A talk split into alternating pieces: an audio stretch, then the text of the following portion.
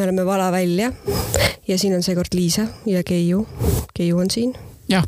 on, on. olen. Keiu, mitu kohvi sa täna jõid? ma mõtlesin järele, ma enne mõtlesin, et neli, aga tegelikult ainult kolm. või neli. kindel? või viis. täpselt ei mäleta. kuidas seda lugeda? kusjuures ma ei ole kunagi aru saanud, kui ma vajutan kaks espressot ja teen selle põhjal endale americano, kas siis see on kaks kohvi või see on ikkagi üks kohv, kui ta on ühes tassis? Kui on üks tass, siis on üks kohv täiesti kindel. igal juhul, meil on külas kohvikoolitaja Mihkel Jürimaa, kes äh, tegelikult on meil siin varemgi külas käinud kohviteemadel rääkimas, aga sellepärast me kohtume Mihkliga, äh, seekord kohtume Mihkliga sellepärast, et Mihkel, hoolimata sellest, et on koroona-aastad ja puha, on äh, eksootilistes paikades kohviga aega veetnud vahepeal. ja me tahame teda sel teemal üle kuulata, et äkki ta teab, kuidas see kohv täpsemalt valmis saab ja mis me sellega teeme. ja mitu tassi kohvi ma ikkagi jõin. ja ühesõnaga tere, Mihkel. tere. mulle tundub, et kasulik oleks alustuseks meenutada, mida see kohvikoolitaja sinu juures tähendab põrgataks küsimuse tagasi, mis te arvate, mida teeb kohvikoolitaja mm,? äkki ta teeb midagi sarnast nagu veinikoolitustel, et räägib inimestele, kust tuleb kohv ja millised on erinevad kohvisordid ja, ja mis lõhna ma võin tunda ja milline on terroir. täitsa õigel teel olete huh,. Huh aga võib-olla natuke praktilisem on võrreldes sommeljeega, et äh, rohkem on valmist, valmi-, valmistamist, et kuidas head kohvi teha. ja see tähendab seda, et sina siis äh, võtad inimesed ja näitad neile, kuidas nad võiksid nüüd siis paremat kohvi teha või sa ise, ise, ise lihtsalt teed inimestele head kohvi?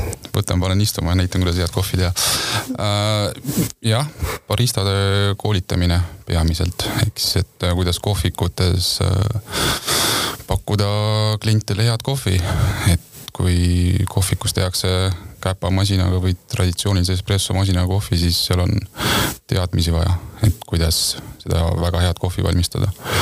kui sa teed äh, täisautomaatse masinaga, eks nupumasinaga on, on selles mõttes lihtsam, et sa vajutad nuppu ja, ja kohv tuleb. aga kui kohvikus kohvi teha, siis on väga suur roll baristal, et kas see lõpptulemus on, on hea, keskmine või, või halb. kust ma Tallinna kõige parema kohvi kätte saan? ja lähme asja juurde kohe. saate tehtud. Oh, niisugune veits filosoofiline, et hea on hästi suhteline. ja, ja. kuhu, kus, kuhu sa ise läheksid ähm,? mul oli kohti, kus ma tean, et ma saan head kohvi, on päris palju. julgen välja hõigata Surf Cafe näiteks Balti jaamas. aa ah, ja, ja, ja, ja seal saab neid häid kokospalle ka. just, siis äh, Fika äh,, Paper Mill Röst. et äh, neid kohti on. aga väljaspool Tallinnat, kas sa sinna ka jõuad? jõuan, Tartus julgen kindlasti soovitada Karlova kohv mm,. ja, ja, ja, ja see on ka tuttav koht mm. -hmm. teame, teame. ma lihtsalt sõnade asemel kasutangi täna igasuguseid üminaid, mis kinnitavad või lükkavad ümber äh, asju, mida öeldakse. aga siis meil on saade tehtud, me saime teada, kust head kohvi saab, korras ei, siiski enne seda, kui me räägime, kus kaugel maal sa käisid ja millist kohviuba sa nägid, eh, on mul siiski üks praktiline küsimus veel. kui ma eh, nüüd tahan ikkagi kodus seal hea kohvi kätte saada, mis on kolm sellist hästi elementaarset ja lihtsat asja, mida ma võiksin eh, teha selle heaks, et mul oleks hommikul hea kohv?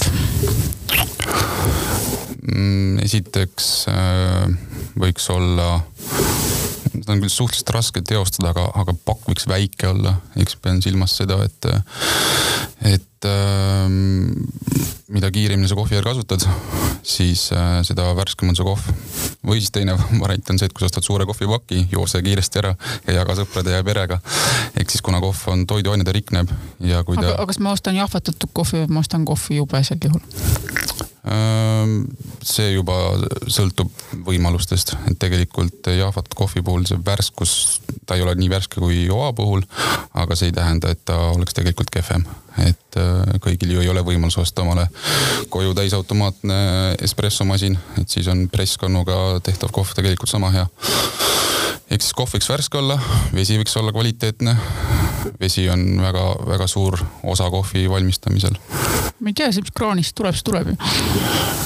jah, no ütleme nii, ideaalses maailmas võiks vett filtreerida, sest et kuna siukse Preskonuga valmistatava kohvi puhul on üheksakümmend kaheksa protsenti vesi, siis äh, veel on äärmiselt suur osakaal ja tähtsus.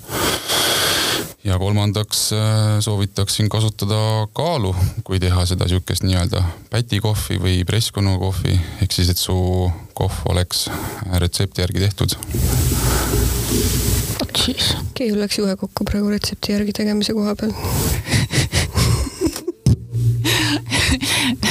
ja selle peale eh, aju otseses mõttes põrkas kokku mikrofoniga ja lakkas eksisteerimast aga minu meelest võiksime minna nüüd sinna kaugematesse kohtadesse, et siis lõpuks lähedastesse võib-olla tagasi jõuda. see kõlab mulle natuke piinarikkalt, aga ma üldjoontes olen siiski nõus. oled, väga hea. piinarikas mitte sellepärast, et oleks kuulata piinarikas ilusaid lugusid, vaid piinarikas sellepärast, et tahaks ise ka olla siis kohe kaugetes maades. ma saan aru, et sa, Mihkel, oled äh, käinud äh, niimoodi kohvilätetel õige mitmetes riikides tegelikult varem mm. -hmm. et sa mitte ainult ei koolita, vaid sa ka otsid neid või otsid neid kohti, kus, kus siis kohv kasvab ja oled neid külastanud, et mis, mis paiku sa oled, oled üle vaatamas käinud? Äh, tänane saldo on kolm riiki, kus äh, kohv kasvab. kõige esimene reis oli Costa Ricale, äh, kust sai see algus, selles mõttes algus sellele, et huvi rohkem teada saada, mis päritolumaal toimub see oli selline lühem reis ja oli sihuke nii-öelda ähm,, andis vihjet, et mis seal toimub. ja sealt tekkis idee minna pikemaks, ehk siis minu teine reis oli juba selline pikema kogemusega, kus ma siis neli aastat tagasi käisin Keenias, kus ma olin kuu aega kohviistandustes. ja minu viimane reis oli eelmine aasta Tansaaniasse, kus ma siis samamoodi kaks nädalat veetsin vabatahtlikuna kohviistanduses. mis ühes kohviistanduses toimub? mida sa seal vabatahtlikuna tegid ja nägid? Äh, toimub töö. tundub, et taimed kasvavad mm, -hmm. inimesed kastavad taimi, kohv kasvab. umbes midagi sellist. just hästi-hästi lühidalt umbes midagi sellist ta ongi. aga palju sa mööda ei pannud, ehk siis tegelikult ongi, et üks osa on see nii-öelda kohvisaagi koristamine, mis sõltub riigist, äh, mis perioodil või aastaajal ta on. seda tehakse kord aastas või mm., või on kuskil ka, ka mitu saaki? seda tehakse üldjuhul kaks korda aastas mm. -hmm. ja see tähendab seda, et äh, see esimene korje on selline Äh, öeldakse fly crop ehk siis, et sihuke väiksem korje, et äh, veel nii-öelda need kohvitaimed ei ole väga pungil nendest kohvimarjadest. aga põhikorje on siis äh, aasta siis teises pooles. aga kohvisaagi koristus üldse sõltub hästi palju riigist, et üle maailma on kokku kuus, kuuskümmend riiki, kus kohv kasvab.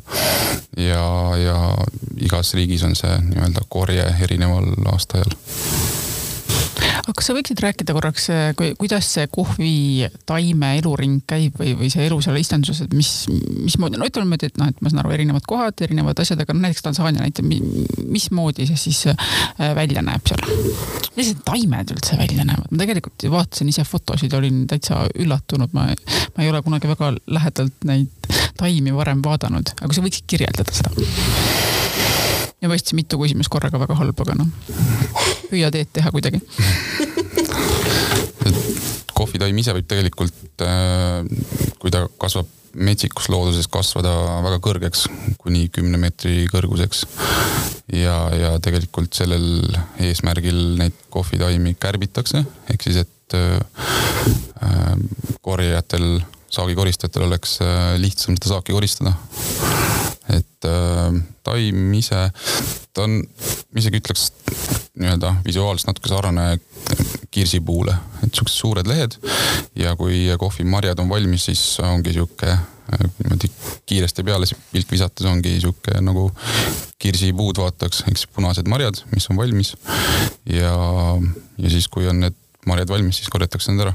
kui sa ühe marja kätte võtad, kas seda saab, kas ta maitseb kuidagi, mis, jah äh, kohvimari, kui ta on küps ja on valmis, siis on ta sihuke korralik suhkrupomm ehk siis, et äh, see nii-öelda marjakest, mida siis tegelikult äh, töötluse käigus eemaldatakse, on hästi suhkrune. et sa reaalselt, kui sa seda marja proovid, siis ongi, et nagu oleks otseses mõttes lusikaga suh-, suhkrut omale suhu, suhu valanud. sellega on... ei tehta siis mitte midagi muud või, või tehakse ikkagi? äh, hästi vähesel määral kasutatakse äh, kohvis ja kestaga selliseks asjaks, mille nimi on kaskaara. ehk siis, et ta on sihuke äh, natukene punasele teele sarnane äh, sihuke punane kest, mis kuivatatakse ära ja siis seda sa saad nii-öelda teha, aga, aga üldjuhul farmides tegelikult äh, seda nii-öelda kesta, mida, mis eemaldatakse siis töötluse käigus, siis kasutavad farmerid äh, põllu peal äh, väetisena näiteks. Või nii kompostina siis õigemini tähendab jah, mitte väetisena. Kas sa tead ka, kuidas see juhtus, et sellest punasest marjast otsustas inimene ühel hetkel sellist kohvi tegema hakata, nagu me praegu joome? see, see ei tundu eriti loogiline, kui sa ütled, et mingisugune magus mari, eks ju, ja siis ühel hetkel keegi mõtles, et aga tahaks mingi mõrkja tükki sellest saada mm,. Neid legende on kohvi avastamise kohta päris mitmeid, aga kõige levinum legend on selline, kus äh, kitsekarjus nimega Kaldi avastas, et äh, tema kitsed muutusid jube erksaks pärast äh, kohvimarjade söömist. Ja, ja siis ta proovis ise ka seda. ja nii, nii-öelda, nii hakkas see kohvi, kohvimari või nii-öelda kohv siis levima ammustel aegadel. ma saan aru, et esialgu tegelikult siis, siis, siis oligi see, see mari sellisel kujul, nagu ta on, mida, mida tarvitati mm. -hmm. nüüd, et see on selline närides, ma saan aru, et suhvi, suhvimungad näiteks on kasutanud seda, et need närinud neid kohvimarju mm. -hmm. kofeiinitablett algsel kujul just, just, just, et meditatsioonis ja võib-olla ka selles ekstaatilises meditatsioonis. nii et äh, magus maitse punane ergastav mari mm,. see kõlab midagi energia, see läheb siin, see läheb sinna energiajoogi saate küsimuse juurde, mis meil kunagi ära tuleb teha nii, aga nüüd oleme tagasi istanduses, siis kuidas see elutsükkel käib? millest algab aasta, kuidas ta kulgeb, mida tehakse, mida taimedega tuleb teha peale kastmise?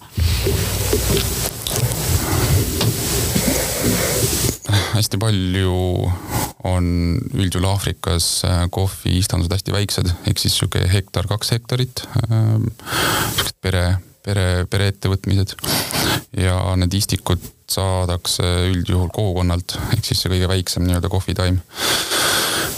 Ja nüüd, kui see istik jõuab sinna kohviistandusse, siis äh, peab äh, farmer alustama sellest, et ta teeb siis ettevalmistused selle nii-öelda taime, taime istutamiseks, tähendab seda, et ta teeb äh, maa sisse augu.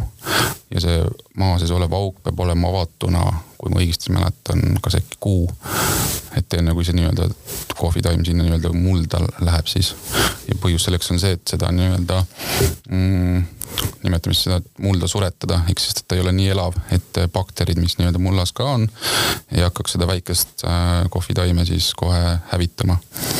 ja siis ta läheb sinna mulda ja tegelikult äh, kaks esimest kuud, kui kohvitaim on sihuke väga pisike siis äh, peab farm, farmer igapäevaselt äh, lähebki põllule ja, ja vaatab seda väikest kohvitaime äh, eesmärgil, et selles mõttes, kuidas ta, kuidas tal läheb, just teeb pahi ja, ja räägib temaga juttu. aga tegelikult, et vaadata, et tal haigusi ei hakkaks tekkima, loomad ei oleks seda hävitamas käinud ja tegelikult esimese saagi mm, saab kohvitaimelt kolm aastat pärast äh, istutamist. ehk siis senimaani on tegelikult siis nii-öelda kohvitaime kasvatamine kui selline. aga tema eluiga on kui, kui pikk? kohvitaim äh,, sihuke mm, maksimum, no võib nii-öelda elada kuni sihuke viiekümne, kuuekümne aastani aga seda ka üldjuhul ei tehta, sellepärast et äh, kohvi taime puhul või kohvisaagi puhul, marjade puhul võib natuke paralleeli tuua viinamarjadega. ehk siis, et äh, nii-öelda veinimaailmast, et kui tegelikult kohvitaim on väga vana, siis äh, nii-öelda need kohvimarjad, nad muutuvad ajas selliseks äh,, nad ei ole nii värsked, ehk siis tegelikult siuksed inimesed, kes on Q-graderid, kes siis kohvi hindavad äh,. Nemad saavad aru, et, et kas äh, see kohv on äh, noorelt taimelt või on väga vanalt taimelt. sina saad ka aru või? Ma valetaks, kui ma ütleks, et ma saan. ehk siis, et nii, nii arenenud mu maitsemeel ei ole. mis tööd sina tegid nende kohvitaimede juures ristanduses? Mina olin maikuus ähm, Tansaanias ja sellel perioodil olid äh, marjad juba küljes kohvitaimel, aga nad olid rohelised. ehk siis, et see oli sihuke vihmaperioodi lõpp ja tegelikult see nii-öelda saagikoristus algas seal äh, juulis. ja tegelikult sellel perioodil äh, peamine töö, mida tehakse istanduses, on kohvitaime siis cropping ehk siis, et nii-öelda kohvitaime kärpimine, et lõigata liigseid oh-, oksi, liigseid lehti ja selle peamine eesmärk on see, et äh, kohvimarjad, mis valmivad, saaksid rohkem äh, siis toiteväärtust ja rohkem energiat sellest taimest endast, et need lehed ja üleliigsed oksad, mis on, et äh, nad ei, ei võtaks seda ära. see on täpselt see, mida ma teen oma tomatiga. just kohvitaime puhul saabki tegelikult hästi palju jah, mõnes mõttes paralleeli tuua ka sellega, mis toimub meil, meil siin nii-öelda Eestis oma, oma äh, taimedega. ja teine, üks väga praktiline põhjus veel, miks seda kärpimist tehakse, on see, et kui nüüd see saagikoristus tuleb, mis on juulikuus, siis äh, need, kes saagi koristama hakkavad, et neil oleks lihtsam üles leida need punased marjad. et osad marjad võivad olla seal, olla seal väga põõsa sees ja et äh, kui see nii-öelda saagikoristus toimub, et siis äh, toimub, toimuks see kiiremini ja lihtsamalt. lehed maha, et taime, et need marjad näha oleks. jah, just aga selle ühe, ühe taime sihuke mm, siis lõikumine läheb noh, oleneb, eks ole, kui vilunud ja kui kiiresti seda teed, aga sihuke jämedalt äh, pool tundi. ja kui sul on seal istanduses noh, kakssada, kolmsada rohkem taimi, siis see ikka võtab omajagu aega. ja kui palju üks taim neid marju kannab? ähm, sihuke kümme kilo kohvi. näita kahe käega. nii palju, just. Et see sõltub jälle hooajast ja sõltub sellest äh, konkreetsest äh, variatsioonist ja kõigest, et äh, sihuke üks ehe, ehe näide on äh,, mul õnnestus ka ühte väga-väga suurt istandust äh, Tansaanias äh, külastada äh,, kus oli üks koma kaks miljonit kohvitaime mis laius kuuesajal hektaril. ja, ja seal äh, farmis oli siis eraldi sihuke nimetamisosakond, kus siis äh, toimus erinevate taimedega sihuke eksperimenteerimine. ja ma nägin seal ühte kohvitaime või ühte araabika variatsiooni, mis oli äh, sõna otseses mõttes pungil äh, kohvimarjadest. ehk siis, et noh, praktiliselt lehti polnudki, et kõik oksad kandsid ainult siis kohvimarju. Et oli sihuke nagu jõulupuu, jõulupuu noh nägi mõnes mõttes välja. aga seal on, oligi see aga, et kes, mida mulle rääkis siis nii-öelda see kohalik Äh, inimene, kes mulle seal tuuri tegi, et äh, jah, saagikus on hästi suur sellel äh, kohvitaimel, aga need marjad ei ole veel küpsed, ehk siis, et isegi kui nad valmis saavad, siis kui võrrelda nii-öelda tavalise nii-öelda araabika variatsiooniga, mida, mida Tansaanias kasvatatakse, siis tegelikult nii-öelda nad on veel toored ja nad vajavad nii-öelda siis arenemist. et see konkreetne, millest ma praegu rääkisin, oli ülikooli teadlaste poolt välja töötatud selline araabika variatsioon. Räägi, räägi palun need liigid korra ka üle, me teame küll, et araabikad ja robustad, aga nagu mis see ikkagi täpselt tähendab või kuidas neid jaotama peaks ja kui ma neid nimesid näen, siis mida ma sealt välja loen? Ja siis ma olen võimetu täna küsima ühte normaalset küsimust, tuleb kuidagi, vabandust, noh jah, noh, ma usun, et enamus saatekuulajaid teavad sõna araabika ja teavad ka sõna robusta. selline nii-öelda hästi jämedalt, need protsendid on selline kuuskümmend protsenti kogu maailma kohvitoodangust on araabika, nelikümmend protsenti on robusta. Aga araabika puhul on neid siis nii-öelda variatsioone hästi palju, et sõltuvalt riigist on erinevad erinevad variatsioonid, et äh, kuidas, äh, see sõltub sellest, millist nii-öelda variatsiooni, konkreetset variatsiooni tahab tegelikult äh, farmer siis kasvatada. et seal igal variatsioonil on omad äh, plussid ja miinused ja nii-öelda lõpptulemusena mängib see rolli ka sellest, et kui palju farmer lõpuks raha kätte saab. ehk siis, et noh, sihuke üks näide on, et üks levinumaid variatsioone on Ruiru Eleven või Ruiru üksteist, mida, mida Tansaanias ja Keenias kasvatatakse. et äh, seal näiteks ongi, et äh, mm, farmer peab vähem panustama aastaringselt võib-olla sellesse nii-öelda kohvitaime, et ta on vähem vastuvõtlik haigustele. aga tegelikult nii-öelda need kohvimarjad ei pruugi olla nii head ja tegelikult siis nii-öelda, kui toimub see nii-öelda oksjon või maksmine, siis tegelikult saab farmer vähem, vähem raha. aga, aga nii-öelda kui rääkida hästi, hästi spetsiifiline, aga kui rääkida nii-öelda maitseomadustest, siis noh, araabika on see, mida me oleme harjunud jooma igapäevaselt, et sihuke pehme, mõnus ja sihuke magus. nüüd see, kas see kohv on selline nii-öelda ütleme siis äkilisem või nagu pehme maitsega, see juba sõltub sellest nii-öelda röstimisastmest, et kui on kohv tumedam, siis ongi ta sihuke täidlasem ja, ja tugevama järelmaitsega. kui on kohv on heledama röstimisprofiiliga, siis on ta selline no tihtipeale võrreldakse musta teega ja on võimalik, võimalik tunda sealt selliseid erinevaid maitsenoote nagu näiteks vaarikas või mustsastar ja, ja nii edasi tumedama rösti puhul on seal tume šokolaad ja, ja karamell tulevad näiteks välja. me jõudsime juba rösti ja nende ilusate osadeni. aga robusta? Robusta, Robusta on äh, nagu nimi ütleb, sihuke robustne. ehk siis äh, kui proovida sada protsenti robustat, siis ma soovitan seda teha. kasvõi juba sellepärast, et oma, oma, kuidas ma ütlen, ähm, maitsemeeli avardada, et saada aimu, kui erinev saab kohvi, kohvi maitse olla.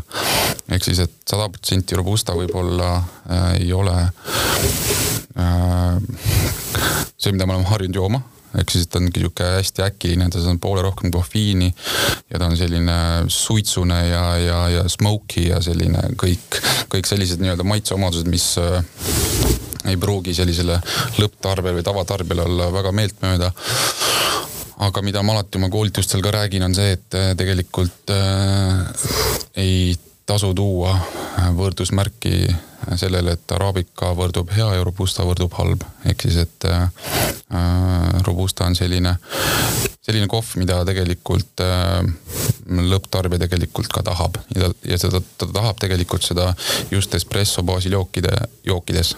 ehk siis, et äh, mida tehakse, on see, et segatakse kokku araabikat ja robustat ja tehakse blende ja seda siis tehakse eesmärgil, et, et see nii-öelda espresso segu, mida sa valad sinna kohvimasinasse, oleks sellisem jõulisem, ehk siis, et su cappuccino äh, või, või kahve latte või mõni kolmas piimajook oleks selline natukese jõulisema maitsega. kas ma võin arvestada sellega, et, et, et enamasti ma kohvikutes neid segusid ka kohtan või, või, või pigem on, pigem mitte?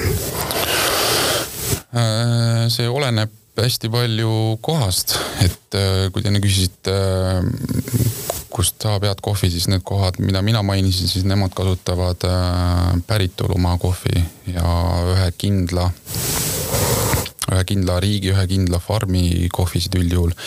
ja, ja seal me räägime üldjuhul ikkagi sada protsenti araabika kohvidest. aga nii-öelda üldlevin on ikkagi see, et jah, kohvikutes pakutav kohv on äh, üldjuhul ikkagi blend, et ehk siis, et on ka mingi osa robustat, aga see ei ole selles mõttes nagu rusikareeglilt, see nii igal pool on. on ka loomulikult neid kohvikud, kes äh, pakuvad nii-öelda blende, aga mis on siis sada protsenti araabika blendid, ehk siis, et mingi osa on näiteks Kesk-Ameerikast, midagi on Aafrikast. et see juba sõltub nii-öelda kohvikust.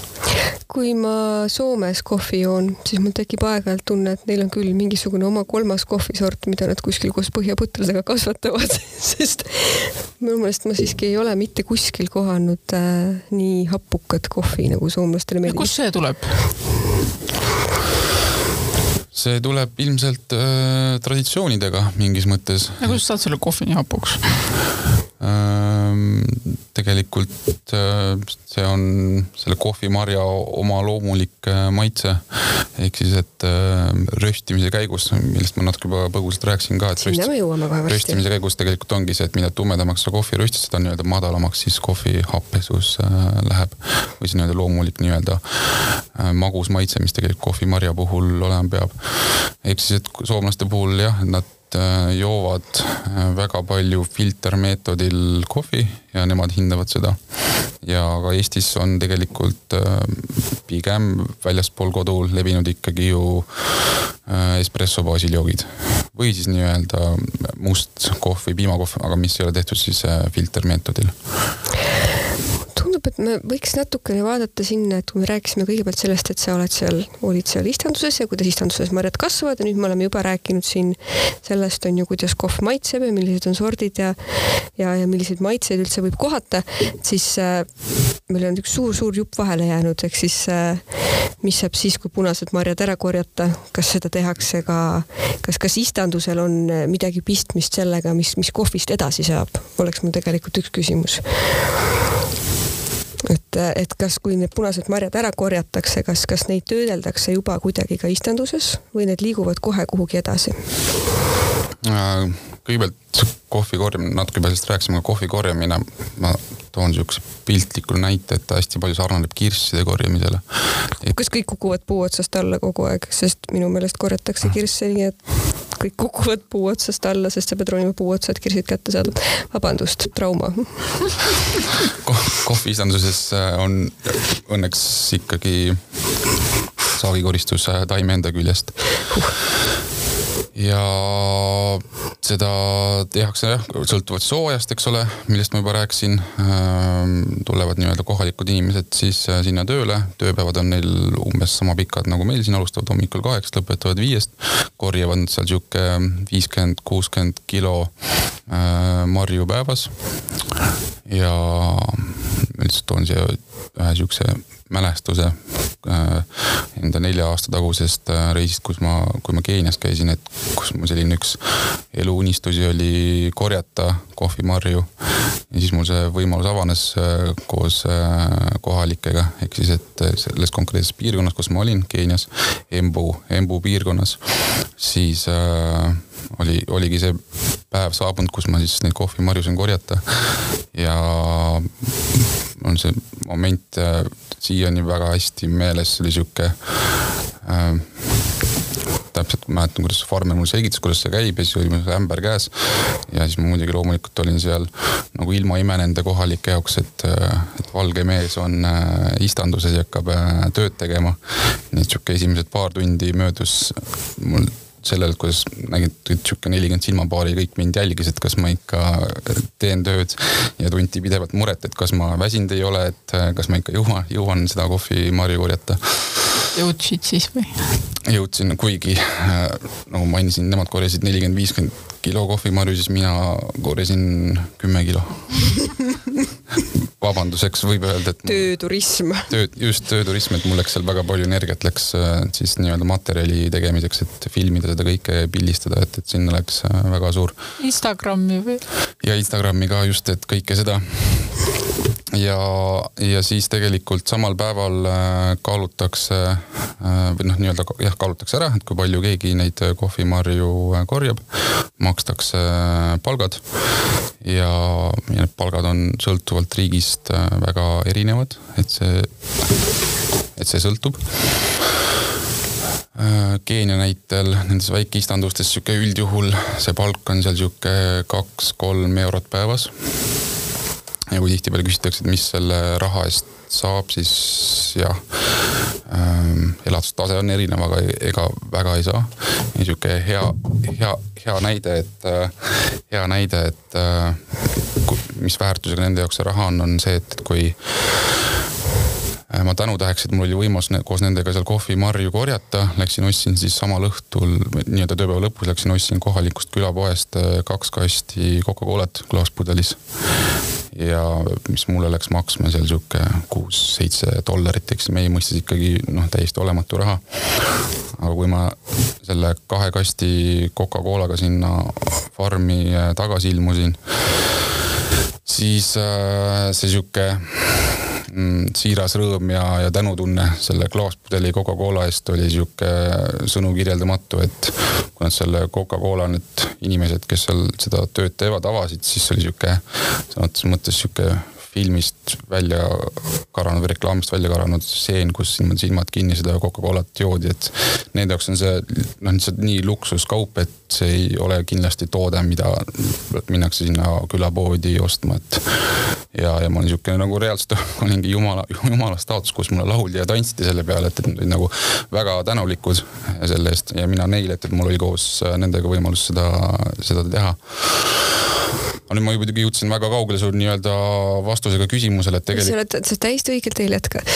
et äh, tegelikult äh, kui see nii-öelda kohv ära korjatakse, siis hästi oluline kohvi puhul on see, et äh, kohv jõuaks töötlusesse kohe, ehk siis, et samal päeval, kui kohv korjatakse, peab hakkama kohvi kohe töötlema.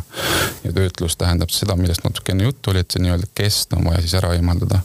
ehk siis, et vastasel juhul hakkab kohvimari muidu riknema ja tekib sinna satikad ja ta muutub nii-öelda kasutuskõlbmatuks.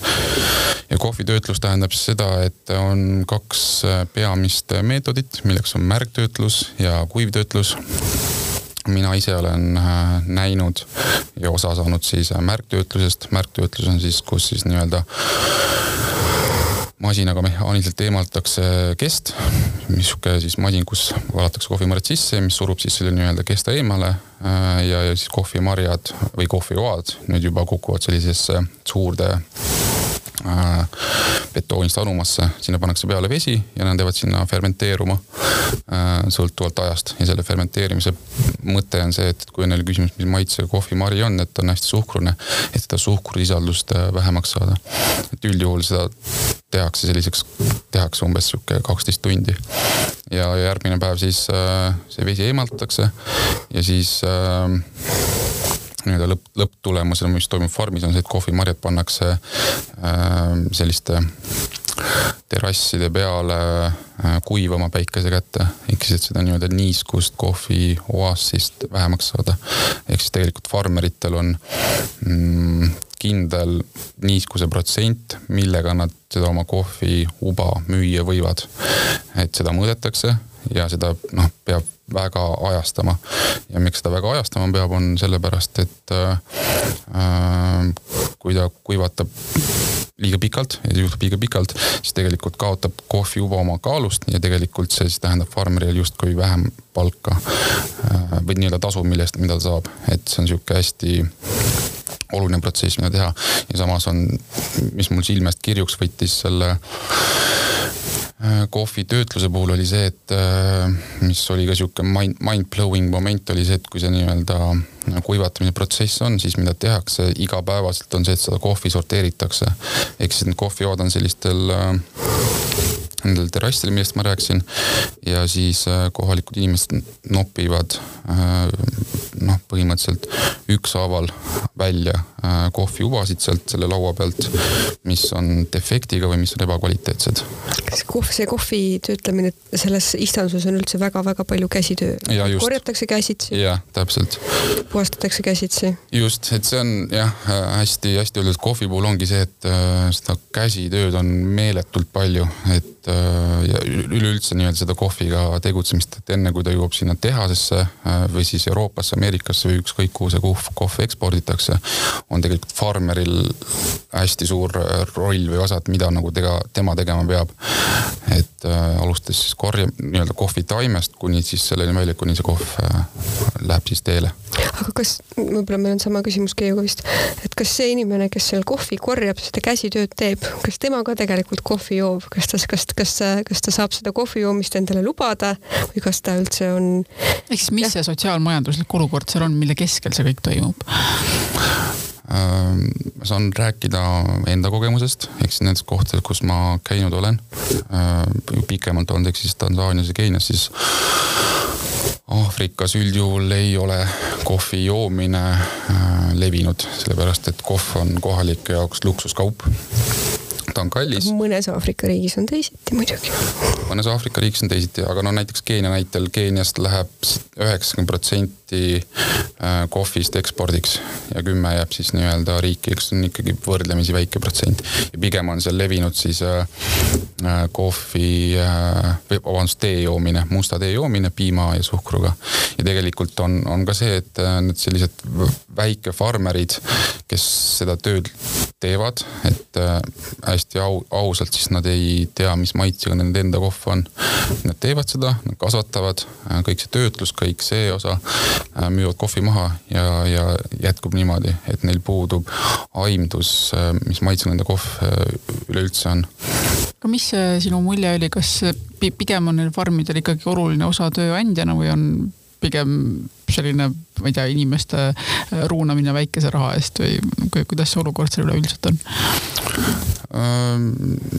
noh, nii üht kui teist, et tegelikult on ikkagi tööandjad, et, et need, kes need kohvi korjavad, see on ju ainult üks osa tegelikult sellest nii-öelda mm, tsüklist siis, et äh, muul ajal peavad tegelikult need inimesed, kes seal selle kohvi äh, saagiga tegelevad, leidma omale muu väljundi või muu töö, et äh, ainult see nii-öelda saagi koristamine on see periood, kus siis nii-öelda on suuremat hulka inimest vaja, kes seda nii-öelda saagikust koristaks. et igapäevast pigem tegelikult ikkagi, kui on nii-öelda sihuke off-season või kohvitaime hooldus, siis tegelikult neid inimesi, kes farmis toimetavad, on pigem vähe küsimuse koht, kas te teate, Mihkel Raudsepp teab, eh, millised Aafrika riigid tarbivad kõige rohkem kohvi? Mm, inimese kohta siis? ütleks Lõuna-Aafrika Vabariik puhtalt sellepärast, et nad, neil on nii palju veini, et äkki nad vajavad hommikuti kohvi selle veini peale. Mihkel? ma, ma arvan, et see on Etioopia. ja see on ka selline kohvikultuuri, kohvikultuuri lätete mm -hmm. paik Etioopia, Alžeeria, kellel on selline korralik kohvikultuur. ma leian, et minu vastus oli ka hea. ei, see oli ilus vastus, see oli väga ilus vastus. seal pealegi, seal on ka palju rikkaid inimesi. Jah, jah, ebavõrdsuses rääkides siis äh, näiteid on. Näiteid on ja, et äh, ja seda te teate on ju kindlasti ka, kes on kõige suuremad kohvijoojad inimese kohta. üldse. mina tean, aga mina ei tea, mina, mina olen seda Soome kohvitokki näinud, kus nad mingi kahekümne klaasi tassi kaupa lasevad näost sisse. no on, Põhjamaad joovad selle kohvi ära, mida tehakse kuskil, noh, kohv kasvab väga kindlates klimaatilistes tingimustes.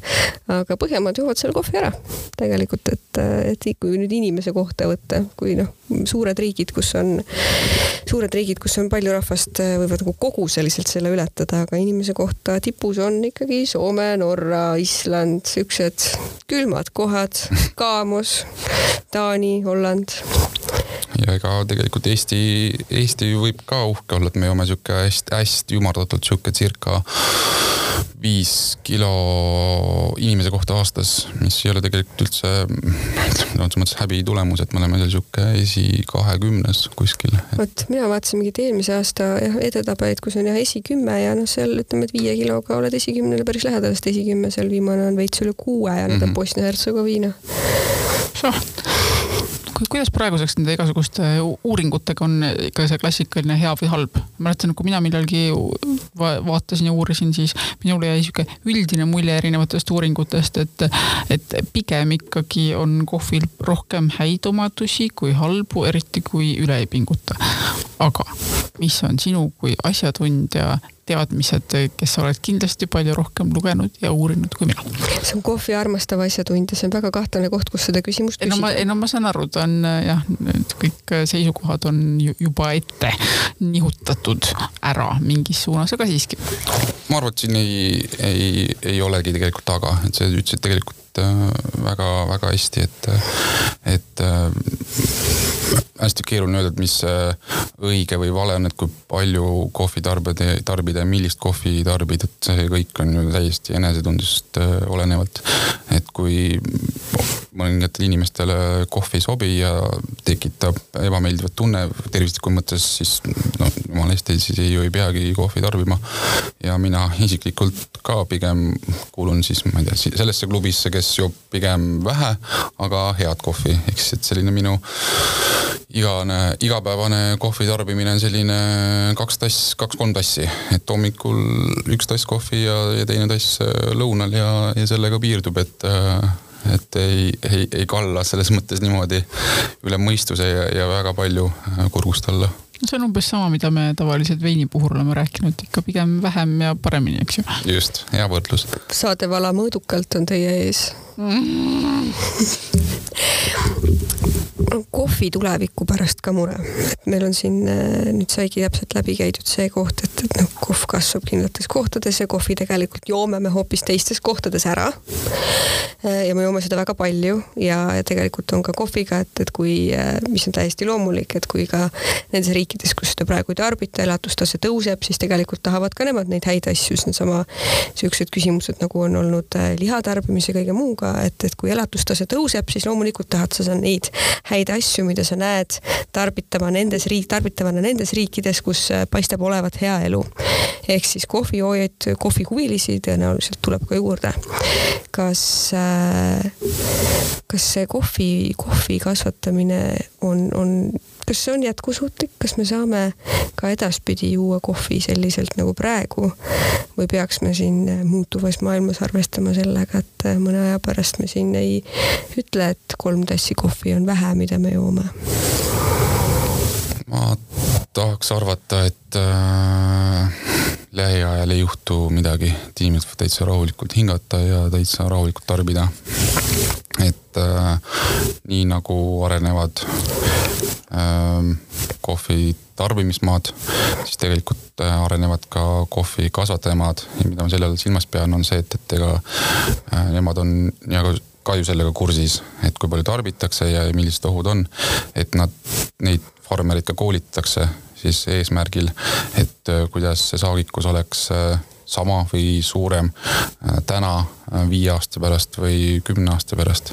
ehk siis, et ma ei näe täna selles mõttes seda ohtu, et, et kliimamuutuse pärast äh, juhtuks see, et, et me viie või kümne aasta pärast äh, või ka isegi rohkem, et oleks nüüd see, et, äh, et head kohvi üldse ei saa. ja ma usun ka, et Robusta, mis, millest me enne rääkisime, mis kasvab oluliselt äh, siis selles mõttes lihtsamates tingimustes, et, et ta ei ole nii nõudlik kui on araabika, et araabika kasvab, kasvab seal tuhat äh, alates merepinnast. Robusta seal viiesaja kuni kaheksa, viissada kuni kaheksasada meetrit üle merepinna, et, et ka ma usun, et Robusta puhul teevad teadlased selle nimel tööd, et ta oleks meile äh, järjest vastuvõetavam ja et arendatakse seda niimoodi välja, et, et ta ikkagi muutuks äh, äh, joodavamaks siis see on vähemalt optimistlik vaade. ja kuigi ma lugesin ka seda, et kliimamuutused tähendavad seda, et kuna üldised klimaatilised tingimused muutuvad, siis kohvile sobivate, kohvile sobivate alade hulk tegelikult äh, väheneb, et üks ja noh, loomulikult see, et sa ei saa ju ka põllumaad lõputult laiendada mm, -hmm. aga, aga lihtsalt, et ka nende kohvile kasvuks praegu, vähemalt praegusele kohvitaimele kasvuks sobivate tingimustega piirkonnad hakkavad kahanema koos kliima muutumisega. ei sobi enam. ei tea, kas suudame sellega sammu käia.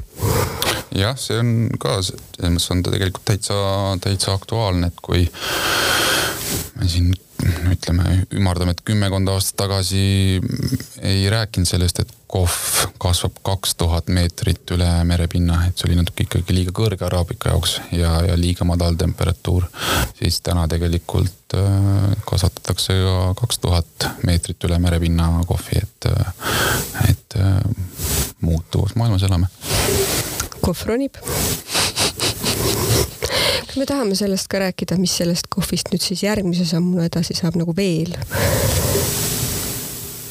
sa mõtled, oota nii. nagu röstimised ja asjad. mis seal on veel, ma ei tea. no ma ei tea. siis minu tassis. ta on sinu tassis jah? ei noh, ta jõudis istandusest välja, ma saan aru. oota, kui, kui kiiresti ta üleüldse peab jõudma sinna lõpptarbijani? kiire see protsess on?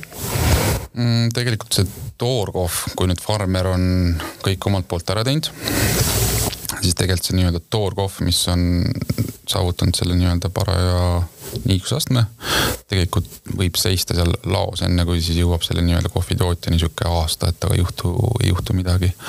aga kui me läheme nüüd nii palju edasi, et, et kohvi joomine kui selline, et, et kui kiiresti see ära tarbida, siis sihuke noh, ma ütleks soovituslik on sihuke kahe nädalaga oleks hea see nii-öelda lahti olev pakk ikkagi ära juua ta ja ta ei, ta nüüd ei ole täiesti kõlbmatu, kui ta on nagu pikemalt, aga, aga mis temaga juhtub, ongi see, et, et mida pikemalt sul kohvipakk avatuna on, seda rohkem ta oma maitses ajapikku kaotab. Et ta ei, ta ei ole enam nii värske, kui ta oli alguses. lõpuks on ilus pruun saepuru vabandust, mul kurvad noodid, ma siin rikun asja, kohv läheb halvaks ja ei kasva enam. no ma jäin hoopis vahepeal mõtlema, Liisa, sinu küsimustega seoses, et kui me nüüd tahame selle jätkusuutlikkuse teemal edasi mõelda ja noh, Mihkel, sa enne mainisid, et need sinu lemmikkohad ikkagi teatud kohast, noh, tead, kust see kohv tuleb ja nii edasi. et noh, et üks asi on see, et sa tead, mis kvaliteediga tuleb, aga teine asi on see, et tavaliselt see vist pigem ikkagi seostub ka igasuguse fair trade'iga, eks ju, et me, et me teame, et need inimesed saavad palka vähemasti noh, mingil tasandil normaalset palka ja nii edasi. et, et kas see on ka midagi sellist, mida igaüks võiks nagu teha oma kohvi tarbimise juures, kui on võimalust rahaliselt, et vaadata mingeid selliseid asju või ma, ma ei tea, kas ma saan poest igapäevaselt ka selliseid asju kuidagi jälgida üleüldse või? Et mis sea-, seaduste puhul on käinud läbi need mõtted, on ju, et, et võiks ju olla kuskil ka mingi noh, see ka nügimise mõttes justkui, et, et, et võiks ju nügida seadused sinna suunda, et, et me võtamegi äh, rohkem just fair trade asju, aga, aga siiamaani pole seda vist ikkagi juhtunud mm. -hmm. no Pauliga näitel, kus äh, mina töötan, siis äh, Pauligi kõik kohvid on sada protsenti jätkusuutlikest allikatest hangitud nii-öelda toorkohv ja, ja täna on ikkagi sihuke, ma võin öelda kolmveerand, kui mitte rohkem kohvid äh, sertifikaadiga Rainforest sertifikaadiga ja, ja on ka kohvid, mis on siis nii-öelda mahe ja, ja mis on ka fair trade sertifikaadiga, et, et ja, ja tegelikult kui sihuke üldpilti vaadata ja minna kauplusse, siis tegelikult ikkagi ma julgen öelda, et see nii-öelda vaatepilt on hea, et meil ikkagi see nii-öelda kohvilett on, ongi suures, suures pildis ikkagi kohvidega, mis on sertifikaadiga ja see just tagab, tagabki selle, et, et see nii-öelda äh, ahel oleks äh, jätkusuutlik ja, ja sertifikaadiga kohv tähendabki seda, et, et ka just, et mida sa mainisid, et seal nii-öelda istanduses või farmis oleks äh, kõik õigla, õigla, õiglaslik ja et farmer teeks ka omalt poolt seda, et, et see kohv oleks jätkusuutlik ja et inimene saaks õiglaslikku palka. mis kohvi sa kodus jood? Ja kuidas sa seda teed äh...? väga intiimne küsimus. ma mõtlesin, et lähme siin intiimsete asjade juurde nüüd. kodus ma joon filterkohvi aga ilmselt filterkohviga esi-, seostub inimestel kohe esimesena selline klaaskannus olev äh, kohv, aga, aga mitte päris, aga, aga suures pildis natuke sarnane, ehk siis, et ma kasutan sellist meetodit, mille nimi on Hario V kuuskümmend, mis on Jaapanist pärit äh, meetod mis ongi selline veekujuline siis äh, hoidik kuuekümne kraadis nurga all. Ja, ja siis äh, panen sinna kohvipuru ja, ja valan vee peale ja ongi äh, hea, hea kohv valmis. ja kui sa küsid, millist kohvi ma joon, siis ma joon esiteks hästi heledat kohvi. Ehk siis rahvakeeli seda haput kohvi, mis tihtipeale inimestele on võõras ja ei ole võib-olla, ei ole võib-olla meeltmööda ja mina joon võimalikult palju erinevaid kohvisid, ehk siis, et avardada oma äh, nii-öelda maitsemeeli ja, ja saada, saada uusi põnevaid maitseid viimati jõin, kui ma õigesti mäletan, või mida ma praegu joon, on näiteks Brick Coffee Roastery, mis Telliskivis asub. Äh, nende Rwandast pärit head äh, kohvi, mis on väga hea ma sihin selle küsimusteadaga kohta, äh, mis mul on kripeldama jäänud eelmisest kohvisaatest saadik, sest mul jäi siis küsimata, mida kohvieksperdid arvavad Aeropressist, sest mul on juhtumisi kodus Aeropress. no nüüd sa vihjasid muidugi, et ei tohi täitsa maha teha isegi kui tahaks. ei, võib, võib, võib, võib. ma joon erinevat moodi kohvi, aga kuidas vaatab kohvi, kohviekspert niisugust asja nagu Aeropress kohvi valmistamiseks? Valisid ilmselt vale ohvri, sest et Aeropress on ka see meetod, mida mina kasutan, et kui ma lähen reisidele või ronin Kilimanjaro otsa, mis mul ka Tansaanias õnnestus, siis samamoodi oli mul Aeropress siukseks igahommikuseks äratajaks. Kilimanjaro otsa ronides niimoodi. Aeropress on suurepärane matkatarvik. väga kerge, väike. saab mõnusalt kohvi teha hommikul. ja kindlasti on kuulajad, kes ei tea, mida see Aeropress on, siis Aeropress on natukene sarnane presskannule, aga ta siis nii-öelda töö põhimõte on see, et sa surud selle kohvi otse endale tassi, et äh, mõttelt justkui sama nagu äh, presskann, aga see kohv siis valmib otse, otse selle tassi, et sa paned selle Aeropressi tassi, tassi peale. ma võin äh, teha pildi oma Aeropressist oma tassi peal kui kellelgi tekib küsimusi ja tahaks, tahaks aru saada, mis toimub. aga ei, mulle väga meeldib see vastus, minu meelest see on minu üks lemmikmatkatarvikuid. õige vastus, ma saan aru. just see on väga hea asi. Keiu, kas sul on ka salajane kohvi küsimus, mida sa tahad küsida? mul ei ole, ma olen saanud kõik, mis vaja, kinnituse, et ma võin kohvi edasi juua mm. -hmm. kohad, kus seda juua mm.. mina sain teada, et mu Aeropress on okei okay kuigi sa kodus seda ei tarvita? kodus ma sellega ei tee jah, et ikkagi kui matkarajale või, või ähm, nii-öelda teise riiki, et seal Aafrika näitel ka, et mul Aafrikas oli ka kaasas Aeropress ja mul oligi me, noh meeles, et, et Keenias, kus ma seal väga paljusid kohviistandusi külastasin, erinevate farmeritega tutvusin. et äh, seal ma enamus farmides tegin Aeropressiga kohvi nendele kohalikele farmeritele, et nagu enne ma rääkisin, et nad ise üldjuhul kohvi ei tarbi.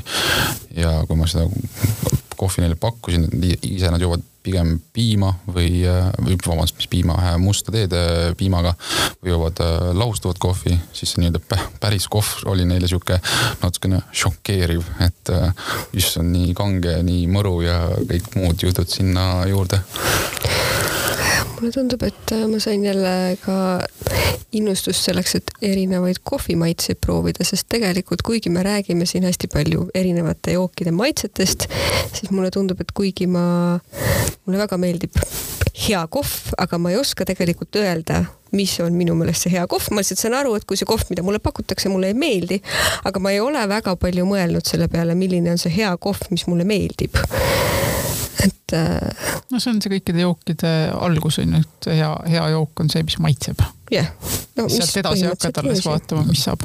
täiesti nõus, et ma arvan, et äh, kui sul kuskilt kriibib või kraabib seda kohvi juues, siis on järelikult midagi valesti. et kas on barista midagi valesti teinud või on see kohv ebasobiv, et, et kui see kohv on sinule sihuke nauditav, siis on järelikult äh, kõik hästi aga peaks äh, katsetama, avardama oma kohvieelistusi, võib-olla see hapu on ka okei. Okay.. on väga okei. okay. Teel Lapimaale võib-olla teel Lapimaale ma muide tutvusin Aeropressiga, see on väga hea teekond kohvi joomiseks. aga mulle tundub, et on aeg otsad kokku tõmmata. ja ütleks täna..., et läheks kohvi jooma, aga ei lähe, sest ja. praegu on õhtu, kui me salvestame seda. täna juhtus see, et me ainult rääkisime joogist ja ei joonud seda üldse mitte. aga no nii on. No homme hommikul jälle. mina olen Liisa kui te kutsute mind järgmine kord uuesti, siis ma toon oh. kohvi ka kaasa ja siis äh, teeme niimoodi, proovime ka samaaegselt. okei okay,, me peame ühe kohvisaate veel tegema. nii, no ju. Mihklilt on lubadus äh, võetud. lubadus on võetud. Äh, ma arvan, et sellega võime lõpetada. aitäh, Keiu. aitäh, Mihkel. aitäh kutsumast. Kuulmiseni